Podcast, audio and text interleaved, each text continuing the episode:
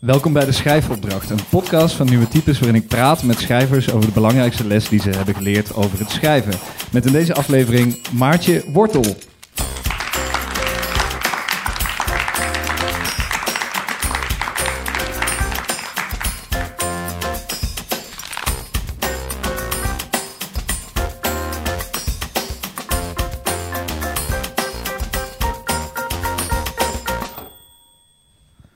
Hoi Maartje. Hallo Dennis.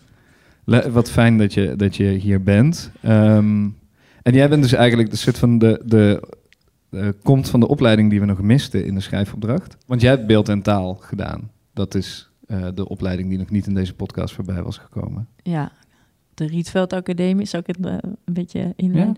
Op de Rietveld Academie in Amsterdam heb je een eh, opleiding beeld en taal.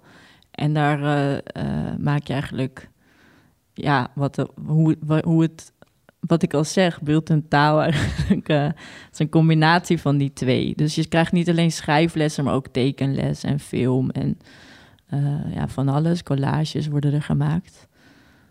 Eh, en dus ook schrijflessen en poëzie. Ik wil daar straks misschien nog wel even over hebben, want het ligt natuurlijk voor de hand om te vragen naar die rol van beeld. Maar ehm, eigenlijk wil ik met jou gewoon beginnen zoals met de rest. Wil je iets voorlezen? Dat is goed. Eh, ik ga een stukje voorlezen uit Danny is een star. Eh, eh, hoofdstuk 4, niet het hele hoofdstuk, maar een klein stukje daaruit. Het ga, eh, ik, eigenlijk kan ik daar meteen iets over zeggen als we het toch over schrijfles hebben. Ja. Want het boek begint eigenlijk met een schrijfles. Dus voordat het boek begint, staat er dan... Op de Rietveld Academie kreeg ik les van Wim Brands. Tijdens een van de eerste lessen gaf hij ons een paar regels mee. Hij zei, probeer niet te lachen. Dat komt zo dom over. Hij zei ook, je moet eerst weten hoe je moet sturen voor je uit de bocht vliegt. En hij zei, schrijf nooit over je kat of over welke kat dan ook. Eh, dat waren zijn lessen. Eh, nou gaat dit boek eh, over, een, over een kat. En daardoor, ik heb ge- ge- gelezen wel in recensies en gehoord van mensen dat ze denken dat ik hiermee ehm, eh, niet heb geluisterd naar de lessen van Wim Brandt. Maar eigenlijk is het een ode aan die lessen. Eh, o- eh, daar kunnen we het misschien later over hebben. Maar het boek gaat dus over een kat. Maar het gaat helemaal niet over een kat. Maar het gaat over iemand die probeert een ja, het klinkt zo erg als ik dit nu zeg, een thuis te vinden. En katten vinden natuurlijk bijna altijd de weg terug naar huis. En, maar daar kunnen we het ook later over hebben, maar we gaan denk ik niet helemaal over het boek hebben.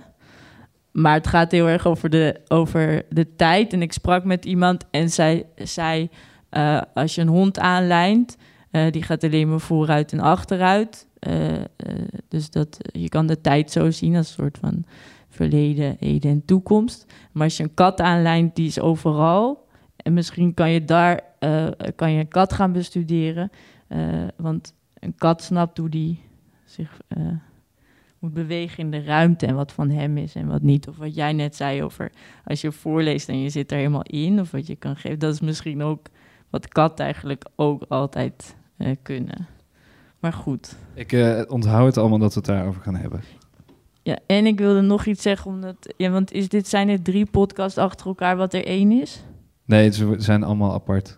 Oh ja, want, want, ook, want dan moet je misschien knippen, maar eh, want, eh, o- op jullie ingaande. Jij hebt ook wel eens tegen mij gezegd, en dacht ik bij jou aan dat hij altijd van alles eh, jat. En bij jou over of je jezelf serieus moet nemen of je tekst. Dat jij hebt wel eens gezegd, ook van een schrijver gejat. En dat vergeet ik nooit. Er zijn mensen die de ruimte binnenkomen en die zeggen, ah, daar zijn jullie. En er zijn mensen die de ruimte binnenkomen en zeggen, hier ben ik. Ja, Wie was dat die dat zei? Dat weet ik dus niet. Oh ja, nou, Misschien dat heb ik die wel zelf verzonnen. Nee, nee, dat had je wel van iemand. Dat heb ik een keer gebruikt. Ik ga het opzoeken. Of misschien kan de luisteraar het zelf opzoeken. Hebben ze ook weer wat te doen. Dat is meteen een opdracht. Ehm, dan ga ik even een stukje voorlezen van hoofdstuk 4. Eh, en de hoofdpersoon heet Ted. Misschien komt dat niet naar voren, maar dan... hoofdstuk 4. Ik had weer eens liefdesverdriet. Vaak als ik liefdesverdriet heb, weet ik niet of het wel iets met de liefde te maken heeft. Eigenlijk denk ik dat ik gewoon verdriet heb. Een van de vrouwen met wie ik was, Daan, dirigent van een orkest in een middelgrote stad in het midden van het land en wonend aan de overkant van de rivier, had dat verdrietverwarrende aspect aan mij wel min of meer door. Ze zei: Ik ben een excuus voor jouw verdriet. Ze zei ook: Niemand wil een excuus zijn. Omdat zij geen excuus wilde zijn, werd mijn verdriet vergroot, in ieder geval voor even, want ik kon het nergens anders op afschuiven. Daan ging bij me weg. Ze zei dat ze niet achter mijn toon kon komen. Als jij een van de leden van een orkest was, zei ze, zou ik je ontslaan. Je kunt niet samenspelen en je slaat iedere keer een andere toon aan. Het is me te veel chaos. Ik zei dat in een planetenstelsel in het begin ook chaos heerst. Als, je die, als die chaos blijft bestaan, trekt het zichzelf onherroepelijk aan stukken. Zo'n stelsel kan alleen voort als er ordening ontstaat en zich stabiliteit ontwikkelt. Ik hoopte voor mezelf ook op stabiliteit en dat de chaos mij in de tussentijd niet uit elkaar zou rukken. En nu luisterde ik naar de woorden van Daan en voelde het alsof ik nooit van mijn leven stabiliteit zou bereiken, nooit een vaste vorm zou aannemen. Chaos is leuk in een jazz-solo, zei Daan. Maar als je schoonheid wil creëren, elkaar tot grotere hoogte wil laten stijgen, moet je naar elkaar luisteren en oefenen. Je moet in staat zijn je laten te leiden en te durven vertrouwen op degene die leidt. Jij wil je eigen muziek zijn, zei ze, in een solo die niemand snapt. Ik zag mezelf op een groot podium staan met een instrument dat ik niet kon bespelen en het publiek maar wachten. Om iedereen tevreden te houden speelde ik toch. Een enkeling ontdekte er een lijn in. Uit beleefdheid klapte iedereen. Uit beleefdheid gaf ik geen toegift. Ik hou niet van jazz, zei ik. Ik word er doodnerveus van. Daan liet een stilte vallen. Je bent niet de enige, zei ze. En direct daarachteraan. Je hebt van alles op te lossen, lieveling. Ik geloof niet dat je mij daarbij kunt gebruiken. Ik had met liefst aan haar vast willen klampen. Ik wilde haar bij alles gebruiken. Maar zoals altijd, wanneer ik iets echt wil, klapte ik dicht. Ik liet haar gaan. Eerlijk gezegd ook omdat ik wel wist dat ik niet in staat zou zijn deze vrouw bij me te houden.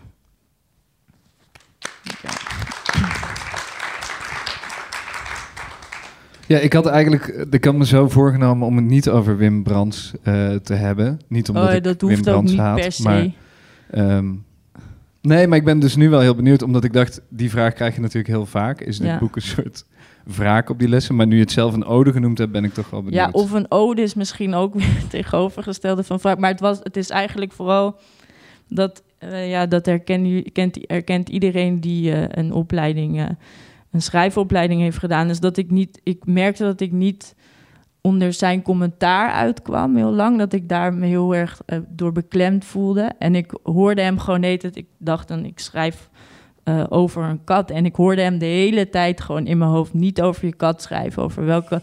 Dus ik dacht, daar moet ik mee beginnen om sowieso om een soort daar al van te bevrijden. Maar los daarvan denk ik dat die, die, die lessen die hij gaf over je moet eerst weten hoe je stuurt voor je uit de bocht vliegt. Ik, ik zie er ook wel levenslessen in of zo. Dat je prima als je eenmaal, ne- wat ik net voorlas, ook over chaos of als je eh, alle kanten op gaat. Maar je moet ook wel eerst weten wat, een, wat, wat je richting is of zo, om dat weer los te laten. Want anders, ik heb ook een vriendin die zei laat, ja, soms zie ik een toneelstuk of zo en denk ja, dat is alleen maar om, om raar te doen. Of dat is alleen maar raarheid. En het staat daar eigenlijk ook. En waarom zou je dat willen als je ook schoonheid eh, kunt creëren? Dus volgens mij moet je, moet je daar wel eh, die twee kanten voor jezelf onderzoeken. Eh, en ook, ja, het gaat ook, ik zie jullie dan net zitten en hoe je. Ik vind het bijvoorbeeld heel moeilijk om hier te zitten. En dan zou ik ook snel misschien ik doe misschien nu ook onrustig, dat weet ik niet zeker, maar onrustig doen of snel lachen of zo. En dat gaat ook heel erg over natuurlijk wat je maakt kan mislukken. En sterker nog, in mijn geval mislukt het bijna altijd. Of het wordt in ieder geval niet wat ik wil eh, dat het wordt. Maar dan is het ook wel weer een kunst om dat wel serieus te nemen. Want waarom doe je het anders? Of waarom zou ik hier gaan zitten en jullie eh, tijd verdoen wat ik misschien alsnog doe? Maar als ik ook al zelf denk dat, ik, dat het het niet waard is of zo. Dus dat, dat vind ik ook wel belangrijk. Dat heel vaak als ik iets maak, lees ik het met zo'n eh, oog van... zou ik dit zelf willen lezen? Zou ik hier zelf eh, gelukkig van, wo- van worden? En dat is dan misschien heel narcistisch, maar dan denk ik altijd... ja, ja, daar word ik wel verder gelukkig van. Dus dan, dan doe ik het. En over die kat gaat denk ik vooral... schrijf niet over iets te, te kleins... zodat het niet alleen voor jou... eh, boeiend is. Dat weet je natuurlijk nooit, maar... Nee, en uiteindelijk is het ook die kat, Danny, die uh, volgens mij vrij expliciet haal je dat uh, kunnen sturen en uit de bocht vliegen tegelijkertijd of zo, noem je het op een gegeven moment, dat die kat dat kan of zo, geloof ik. Ja, het komt terug in een, in een droom, geloof ik. Dat moet je ook nooit doen, hè, voor dro dromen schrijven. Ja, het gaat ook vooral om, dat is natuurlijk sowieso met alle regels, alle, uh, dat, dat is een van mijn. Ik schreef ook zelf les op de Rietveld Academie. En ik kan wel van alles zeggen tegen de studenten. Maar ik zeg wel, met mijn eerste regel is ja. Uh, je hoeft niet echt te, te, luisteren naar mijn regels. Maar niet om, om mij niet serieus te nemen. Of, maar er bestaan uiteindelijk natuurlijk eigenlijk geen regels. Dus volg ze eerst allemaal op en aap inderdaad alles na en uh, kijk waarom iets werkt of niet. Maar je hoeft dat niet precies uh, te gaan, op die manier te gaan uitvoeren, want dan wordt het ook een heel erg dode tekst of, of, of saai. Het, wordt, lijkt me ook niet leuk om het dan te maken. Bijvoorbeeld een, een collega en vriendin van mij, Hanna Barefoot...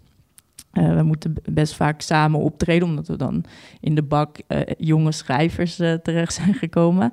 en wij werken alle twee op een totaal andere manier. Namelijk ver, vergelijken we dan altijd met een wandeling door de stad.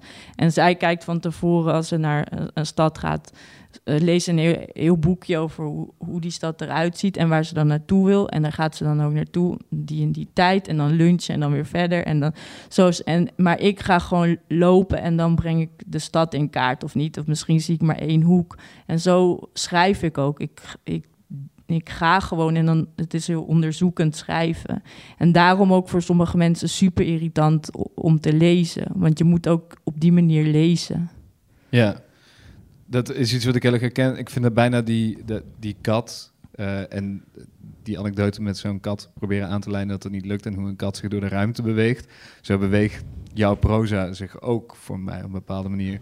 Ja. Is, uh, in, in Reality Hunger, dat is een manifest van een Amerikaanse schrijver, die Mhm. benoemt op een gegeven moment, zegt hij, eh, ik ben helemaal niet geïnteresseerd in plot en personages, eh, want die dingen vergeet ik allemaal. Ik vergeet wie wat gezegd heeft en ik vergeet dit. Eh, en dat hij geïnteresseerd is ehm, in schrijven, in romans, als een vorm van denken, Mhm. veel meer. En dat herken ik heel erg. Dat is wat jouw boeken voor mij doen, maar ik weet helemaal niet of dat jouw intentie is om het een vorm Nou, van denken te laten Ik zijn. denk wel dat het is veranderd, want dus ook al om mm, de eerste paar boeken zijn juist heel strak eh, en heel, ja, heel gecomponeerd. En dan alsnog begrijp je het soms niet wat ik er nou mee wil- wilde zeggen of zo, maar het zit wel strak in, in elkaar. En dat probeer ik een beetje, of probeer ik niet, maar dat heb ik wat meer losgelaten. Eerst met goudvis en beton en nu eh, Danny is een star. En dat is. Ik merk ook dat er dan dus ook heel, heel, heel, heel anders op gereageerd wordt. Omdat als mensen wel begrijpen op zich van ja, dit verhaal. Dat is, dat is ook logisch. Dus ik- eh, ik snap dat dat gebeurt. Maar als je weet, oh, dit verhoudt zich op die en die manier tot dit en dit en dat.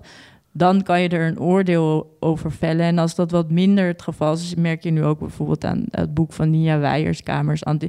Ik lees die recensies. eh, dat boek, ik, sorry, ik sprak niet uit. Kamers, antikamers. Eh, en ik las die recensies en verba ik heb ook het boek gelezen en het verbaasde me echt hoe recensenten dat boek hebben gelezen. Want er zit echt heel, heel veel in. Er wordt naar alles, van alles verwezen en het, wordt, het heet ook kamers, antikamers. Dus het gaat ook over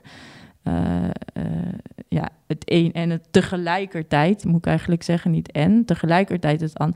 En het wordt allemaal heel van, oh, wat, wat, een, wat, een, eh, wat, wat wil ze eigenlijk zeggen? Terwijl dat he- heel, heel duidelijk is, geloof ik. Dus het is eh, heel moeilijk, denk ik, voor lezers soms om...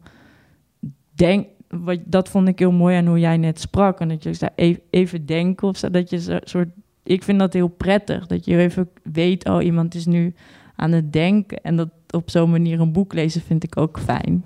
Ja, ja ik ook. Eh, maar, maar hoe kwam het dan dat je dat met goudvis en beton los kon laten? Dat strakke en meer dit toestaan? Nou, met goudvis en beton, dat schreef ik... eh, toen was ik... eh, ja, dat was ik vier dagen maar. Maar toen zat ik in Tilburg als writer in Ja, maar vier dagen Tilburg kan wel als heel lang voelen natuurlijk. Ja, en nou, ik hou heel erg van Tilburg. Ik vind dat echt eigenlijk een fantastische stad. Maar eh, en, dat, en toen eh, eh, werd ik gekoppeld aan een vorm, vormgever. Dus het boekje. dus eigenlijk vond ik het fijn aan wat ik soms mis, ook als ik een boek lees, eh, is het plezier, dat ik merk dat de schrijver plezier heeft gehad om het te schrijven. En dat vind ik heel fijn aan een schrijfopleiding of aan bijvoorbeeld op de Rietveld Academie ook nu. Ik word echt heel gelukkig van die lessen, want ik merk dat iedereen heel veel... Tuurlijk heb je, heb je soms moeite ermee, maar mensen willen gewoon vooral heel graag iets maken. En die hebben daar echt plezier in. En dat voel je aan, eh, aan hoe, hoe het gemaakt is. En dan voel je automatisch gewoon dat voel je, voel je een vrijheid erin zitten. En dit heb ik gemaakt dus met een eh, illustratrice. En daardoor kon ik, dan denk ik, oh, er zitten plaatjes bij. Het zijn hele abstracte plaatjes. Dan kan ik veel meer loslaten in de taal. Eh, en dat kan natuurlijk ook zonder plaatjes. Ja. Maar je had dat in eerste instantie even nodig. om ja, ja, ik had dat nodig. Ja. Ja. Dat is interessant. Ehm, ja, ik, ik doe dit eigenlijk nooit, maar eh, ehm, ik las gisteren toevallig, had ik een fragment eh, in jouw boek. Want volgens mij raken we daar nu een beetje dat, dat jij veel meer bent gaan schrijven als dat, dat je misschien... Of nou ja, dat je jezelf bent gaan toestaan om te schrijven zoals je wil schrijven. Eh, maar je haalt ook een andere schrijver aan in dit boek. Ik weet niet of ik dit mag vragen. En als je het niet wil, moet je het niet doen. Maar zou je dit stukje willen voorlezen tussen die bolletjes? Tuurlijk, dat wil ik wel. Tussen de bolletjes. Maar dan moet ik eigenlijk wel eh, de, iets daarvoor, toch? Nee, je mag zelf kiezen. Ja. Want anders begin ik ineens. eh, eh, nou ja, oké. Ik, hoorde, ik hoorde mezelf van alles beweren over zwarte gaten. Ik oreerde en oreerde, vooral tegen Anne, met wie ik iedere dag een paar rondjes door het park liep met haar aangeleide hondje. Soms ging ik zo ver met mijn verzinsels over zwarte gaten dat ik dacht dat mijn vrienden me door zouden hebben. Maar niemand had me door, zolang ik deed alsof ik het wist. Daarna snapte ik dat doen alsof je iets weet misschien wel belangrijker is dan werkelijk iets, iets weten. Sindsdien begrijp ik waarom mensen graag Tommy Wiering gaan lezen. Doen alsof je een schrijver bent werkt zeer lucratief. De mensen geloven je, het levert God beter nog wat op ook. En ik al die jaren maar een halfvolle zaaltjes vertellen dat ik bang ben voor taal, bang voor het leven, bang voor gesprekken, bang voor kiespijn en kanker, voor mijn lichaam, bang voor lichamen van anderen, bang voor het allergrootste en het allerkleinste, voor mezelf, mijn familie, mijn afkomst, de wereld, vernieuwjijs, de deurbel, harddrugs, ALS, longemfyseem, droogte en overstromingen, voor dingen die groeien en krimpen, voor domheid, voor andere mensen, voor verbinding en liefde en om in een denkgroef terecht te komen, mezelf vast te draaien, bang voor ongeveer alles, behalve voor het einde van de wereld, want dan stopt het gewoon. Maar het ging hier natuurlijk over Tommy Wieringa. me. Nou ja, ik wilde ook wel... Want ik vind het een hele mooie passage. Omdat je volgens mij eh, die angsten die je opsomt... en het daar daarover hebben is natuurlijk ook schrijven. Hmm. Maar het is natuurlijk ook heel... Het is ook grappig, maar je noemt wel... doen alsof je schrijver bent. En ik, ben, ik was gewoon heel benieuwd naar wat is dat dan? Wat is doen als... Want dan heb je dus blijkbaar een beeld van wat een schrijver is. Nou ja, hier wil ik ook toch weer iets over zeggen. Dat er, hier gaat ook soms iets mis in hoe... eh, want nu zeg je ook jij. Dat is niet Oh, erg. ja, nee, want dat ma-. Dat Ja. is niet erg, dat mag, maar het is wel. Dus dat is ook. eh, laatst was ik ook op een avond over empathie in de literatuur. En toen was iemand. eh, had het over dat alle boeken tegenwoordig autobiografisch zijn en zo. Maar bijvoorbeeld, dit is helemaal niet autobiografisch. Maar dat wordt dan zo gelezen omdat het over een lesbische vrouw gaat. Met een, mijn kat heet namelijk wel Danny. Dus ja, dat, dat kan je ook zo terugvinden en zo. En ik, ben ook, ik val ook op vrouwen. Dus dan, dan denken ze, oh, dat is Maartje. Terwijl je altijd in een werk iets aan het, ik in ieder geval iets aan het onderzoeken bent. En dit boek gaat vooral heel erg over eh, dat als je dus in iets gelooft, dan is het een kat, dat het waar wordt. Of wat is verbinding? Of is ook gaat het heel erg over, over een God. eh, en over dus de, de tijd en hoe je daar houvast in kan vinden. En daardoor, het begint ook met eh, de zin van... ik neem mensen die zichzelf serieus nemen niet zo serieus. En volgens mij is dat wel ook tegelijkertijd... waardoor je je recht ophoudt in, de, in het leven... door wel literatuur serieus te nemen... door wel jezelf serieus te nemen... door eh, voor mijn part wel in God te geloven. En dat is natuurlijk... als ik naar Tommy Wien ga kijken... Ik, denk ik, die man gelooft echt in zichzelf... En er straalt dan op anderen af wat hij ook zegt van... oh ja, ja, dat is waar. En dat vind ik dus verder eh, niet... eh, dat vind ik dan gewoon interessant, dat mechanisme. Ja. Dat heel vaak juist ook mensen die echt, dat bedoelde ik ook met ik oreerde en oreerde over zwarte gaten. En als je dan, dat je soms merkt, oh, ik zeg van alles, ik weet echt niet waar ik het over heb, maar hoe stelliger ik het zeg, hoe meer mensen daarvan schrikken of denken dat het waar is. En ik vind dat zorgwekkend wel, omdat ik heel vaak dan echt domme uitspraken hoor en dat, ja, of dat, ja, sommige boeken dat ik denk, je, mag, je hoeft jezelf niet zo serieus te nemen. Laat het boek het werk maar doen. Ik zou dit nu heel graag willen beamen, maar dat kan ik dan beter niet doen. Dan mag je doen, ja, wat jij wil. Ja. ja. Nee, en ik, eh, ik, uh, ik formuleer het inderdaad verkeerd, maar ik denk, uh, want Ted is natuurlijk gewoon een eigen uh, personage, maar er is wel, denk ik dan, een soort als je, daar, als je dat aan een personage toeschrijft, dan, dan bestaat er dus iets als een beeld van een schrijver. En dat is, dan moet je, om dat te kunnen schrijven, moet je dat. Snap je wat ik bedoel? niet helemaal. Nou, dat um, jij deze gedachte wel toedicht aan Ted. Uh, ja, ja, dus tuurlijk. Maar bijvoorbeeld wat me wel opvalt is dat het veel meer dan bij, bij mijn andere werk. Ik heb altijd geschreven vanuit, een, vanuit het perspectief van een man. En dan wordt er ook van waarom schrijf je vanuit hem? Ik, ik vind het eigenlijk ook beledigend naar de literatuur bij. Niet eh, wat jij zegt, maar dat het dan waarom, uh, waarom doe je dat? Of waarom speelt het in Amerika als je zelf in Amsterdam woont? Waarom speelt dit in Amsterdam? Want iedereen schrijft over Amsterdam. Waarom zeg maar, er is altijd. En, en dan nu is het zo van: oh, oké, nou, dat, dat ben jij. Want uh, terwijl om eerlijk te zijn, heb ik nu vanuit een. Eh, ik moet heel veel eh, voorlezen op scholen. En dan merk ik dat. dat uh, dan vertel ik ook altijd. Nou, niet zomaar, maar dan gaat het er soms over. En dan zeg ik ja, nou, ik val zelf op vrouwen. Maar dan heb ik het over Jan Wolkers of zo. Dat ik daar dan ook wel verliefd op ben. En, maar die is dood, dus dat is onhandig. en dan. merk ik dat dat, heel dat het toch belangrijk is. En toen vroeg mijn broer aan mij: waarom schrijf je niet eens een keer gewoon vanuit een vrouw die met vrouw is. En dat dat gewoon zo is. Dat het ook verder niet het hele boek erover gaat hoe moeilijk dat is. Dacht ik, ja, precies, laat ik dat doen. Dus dat is eigenlijk zo simpel is het. Het is helemaal niet uh, van, oh, dit is nu mijn. Nee, en het, nee, dat, nee, ik snap het heel goed. En ik denk dat daar natuurlijk maar de verleiding is groot om dan van en Ninja Weijers te maken. En snap je? Dus de personages die erin Tuurlijk, voorkomen. dat snap, dat snap ik. En daar, daar speel ik ook mee. Dat heb ik ook al gedaan in Dit is je huis. Dat er een verhaal heet De Schrijver. Dat is mijn debuutbundel. Dus dat er verhaal heet De Schrijver. En er moet iets gebeuren. Dus dat De Schrijver 2 over ook wat schrijven is. En uh, hoe dat werkt. En het hoeft niet een uh, flauw spel te te worden of zo. Maar uh, de, uh, eigenlijk heb ik en vooral en genoemd omdat het een buitencategorie is. Want Ted is met allemaal meisjes. Ze gaat met allemaal meisjes naar bed, maar niet met N. Dus heet ze gewoon N. Waarom ik, ik verwijs niet zomaar naar, naar die N, omdat uh, wat me wel opvalt in jouw werk is dat er altijd een soort wel gemeenschap van, van makers in ieder geval in voorkomt. Mm -hmm. En ook altijd wel ex, expliciet verwezen wordt naar andere schrijvers. Dus mm -hmm iemand die iets van jou gelezen heeft of uh, ooit een interview met jou heeft gehoord, weet waarschijnlijk dat jij van Richard Broadkin houdt, van Jan Wolkers en van Clarice Lispector. Ja. En ik was heel erg benieuwd naar, uh, leer jij nog door dat soort mensen te lezen als schrijver? Ja, je leert altijd door te lezen, maar ik denk wel bijvoorbeeld, ja, ik ben dus vooral heel, heel, heel wild van Clarice Lispector. En dan was ik laatst ook weer, moest, had ik heb ik daar een verhaal van voorgelezen en uitgelegd waarom ik dat goed vond.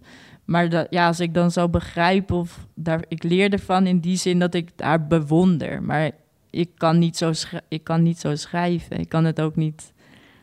Ik, die les geef ik ook altijd bij, op de Rietveld Academie. Dan laat ik ze Tsjechov nadoen of zo. Zeg, probeer maar, ja je komt niet ver, denk ik. Ik bedoel dit niet demotiverend, maar om je eigen stem te leren kennen. Dat kan heel belangrijk zijn dat je weet, oké, dat lukt niet. Maar wat je eraan overhoudt, wel door andere teksten te bestuderen en te zien hoe iets in elkaar zit, of het niet te begrijpen hoe het in elkaar zit, leer je wel ook komt er iets bovendrijven. Ik kan bijvoorbeeld zelf, ik kan niet onder mijn vertelstem uit. Vind ik zelf ook vervelend, maar ik kan niet een langere zin of het lukt me gewoon niet. Dat komt heel geforceerd over. Ik probeer dat, maar dat denk waarom probeer ik dat eigenlijk? Want het is over wat jij zei ook over als je hardop voorleest, het is mijn toon. Dus dan lees ik dat voor, denk dit is een heel andere toon. Wat wel interessant is om te onderzoeken, maar je voelt of het waar is. Dat vind ik het meest belangrijk eigenlijk als ik, als ik iets lees. Maar het is misschien ook in die poging om iets anders te zijn. Het lukt niet om de perfecte kopie te maken. En juist die mislukte kopie, zeg maar, dat is dan wie jij bent of zo. Dus in die zin kan. Wat nee, ja. heerlijk dat iedereen een mislukte kopie van iets. Nee, dat, dat vaak juist in dat gat tussen, tussen wat, je, uh, wat je dan ambieert. En, en je eigen kunnen, dat daar juist zit wat jij maakt en wie jij bent of zo. Ja, maar ik hou er ook, je had het net over dat elftal. En toen dacht ik even aan mijn elftal. Dan, werd ik, dan word ik meteen juist helemaal denk, oh, ik stop ermee. Het is niet zo dat ik dan, ja, snap ik denk niet, oh, een elftal en ik speel even met dit elftal mee. Dan denk ik, ik ga wel even, ik kijk wel naar dat elftal. Dus ik lees veel meer vanuit een, uit een bewondering of wat iemand mij kan vertellen, dan dat ik mezelf ertussen plaats of zo. Ja, maar ja, dat is denk ik precies wat ik bedoel, dat die bewondering, dat dat ook maakt dat je daarna ja, misschien wel daar naartoe wil ergens, maar dat dat niet ergens dat dat niet lukt, omdat het wordt heel abstract, hè? Nee, ik snap wat je bedoelt. Oké, nou ja. ja. Wim Brands had hele expliciete regels en jij geeft nu uh, zelfles. Heb jij zelf uh, expliciete regels, zoals schrijf niet over je kat? Nee, nee, wat ik al zei, vooral wat ik heel fijn vind aan lesgeven, en jij geeft dus ook les, is dat, er, dat en, en jij ook zei, dat je gewoon, eigenlijk zie ik het ook als een soort, uh, ja, je, je iemand legt een werk neer en iedereen zit eromheen en je praat daarover. Dus je snap, het is heel ik vind dat een heel prettige manier, omdat het is heel vaak met een boek maak je dan alleen. Dat vind ik ook prettig hoor, maar dat maak je alleen en dan heb, eh, is het min of meer af en dan gaan mensen er iets over zeggen. Maar dit in het hele proces praten wat er eigenlijk gebeurt, is op heel veel niveaus interessant. Ik vind dat dus het gaat mij vooral om dat iedereen. Mijn enige regel is: iedereen moet hier goed naar kijken en er iets over zeggen. En verder uh, merk je al vrij snel, vooral, uh, ja, er zitten ook hele eigenwijze mensen eh, op die school. En ik juich dat wel toe, dat iedereen vindt wel zijn weg of zo. Het is, ik vind dat er heel veel goede nieuwe schrijvers aan zijn. Ik, ik, ik heb dit afgelopen jaar dingen gelezen wat ik nog nooit eerder heb gelezen. En dat stemt me wel optimistisch. Zo, ik heb ook dat volgens mij zijn, is de jeugd ook veel meer weer in de wereld. Uh, en dat is natuurlijk een specifiek groepje. Dus misschien zit ik nu weer in een denkgroef en denk, ga maar even ook op een andere school kijken of zo. Maar in ieder geval met, de, met die makers denk ik, oh, dat, eh, ja, daar word ik wel uh, gelukkig van. Ja, dat herken ik wel hoor. Dus ik denk niet dat het een groef is. Nee, maar ik bedoel meer, een groep waarbij met het zijn mensen die al iets aan het maken zijn. Dus ik weet niet of ik nu iets kan zeggen over de, de jeugd van tegenwoordig in het algemeen. Dat bedoel ik. Nee, dat, laten we dat niet proberen. Nee. Uh, heb je desondanks een uh, schrijfopdracht voor de jeugd van tegenwoordig? Nou, eigenlijk sluit mijn schrijfopdracht, die bedenk dan nu even, uh, ik, die, die, geef ik wel eens, maar dat bedenk ik nu omdat het ook net ging even over hoe autobiografisch is, is iets. En eigenlijk... Zal ik de bumper instarten? Zijn we er al? Oh, ja, oh, Want dat vind ik gewoon leuk. Ja, we zijn er.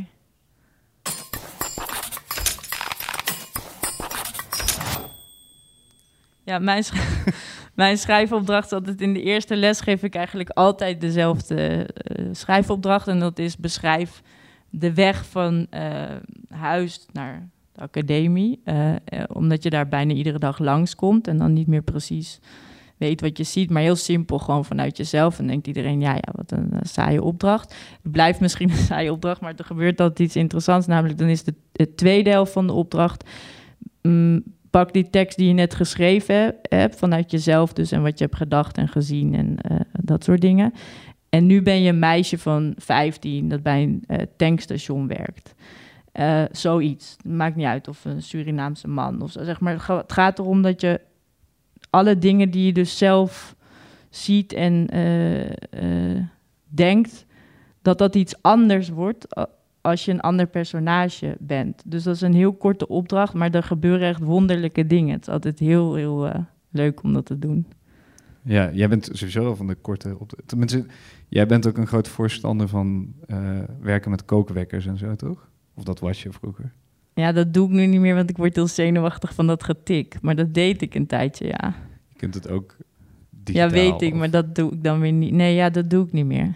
Maar klopt, dan, ja, maar dit is niet zo'n korte opdracht. Ik bedoel, het lijkt een simpele opdracht, maar het gaat natuurlijk uiteindelijk, als je iets maakt, tenminste als je fictie schrijft, dat je, die, dat je wel, eh, ja, eigenlijk wat je zei over dat, ik kan het niet navertellen, maar dat je zoiets zei van je geeft, je krijgt Ja, je krijgt het en je geeft het door. ja, zoiets is het ook eh, volgens mij met hoe je personage kan optuigen met van alles. Dat je, ja, de schrijver schrijft het, maar wie is die ander of zo?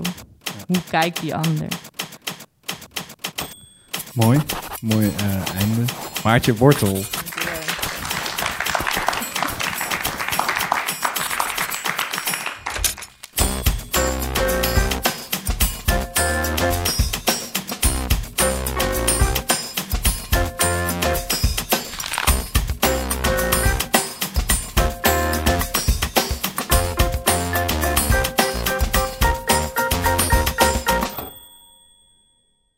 Dit was aflevering 6 van de Schrijfopdracht met Maartje Wortel. De Schrijfopdracht wordt geproduceerd door Ondercast voor het Nieuwe Types Festival. Deze aflevering werd live opgenomen tijdens dat festival in Theater aan de Rijn in Arnhem. Het programma werd gemaakt door Elke de Catus en de productie was in handen van Curijn Lokker en Anne Hemmer. Veel dank aan hen. Voor meer informatie kijk op nieuwetypes.nl. Vond je deze podcast tof? Laat dan een recensie achter. Of een hartje, of sterren, of wat het dan ook is in de app waarin je dit luistert. In ieder geval, laat het anderen weten. Mijn naam is Dennis Gaans. Bedankt voor het luisteren.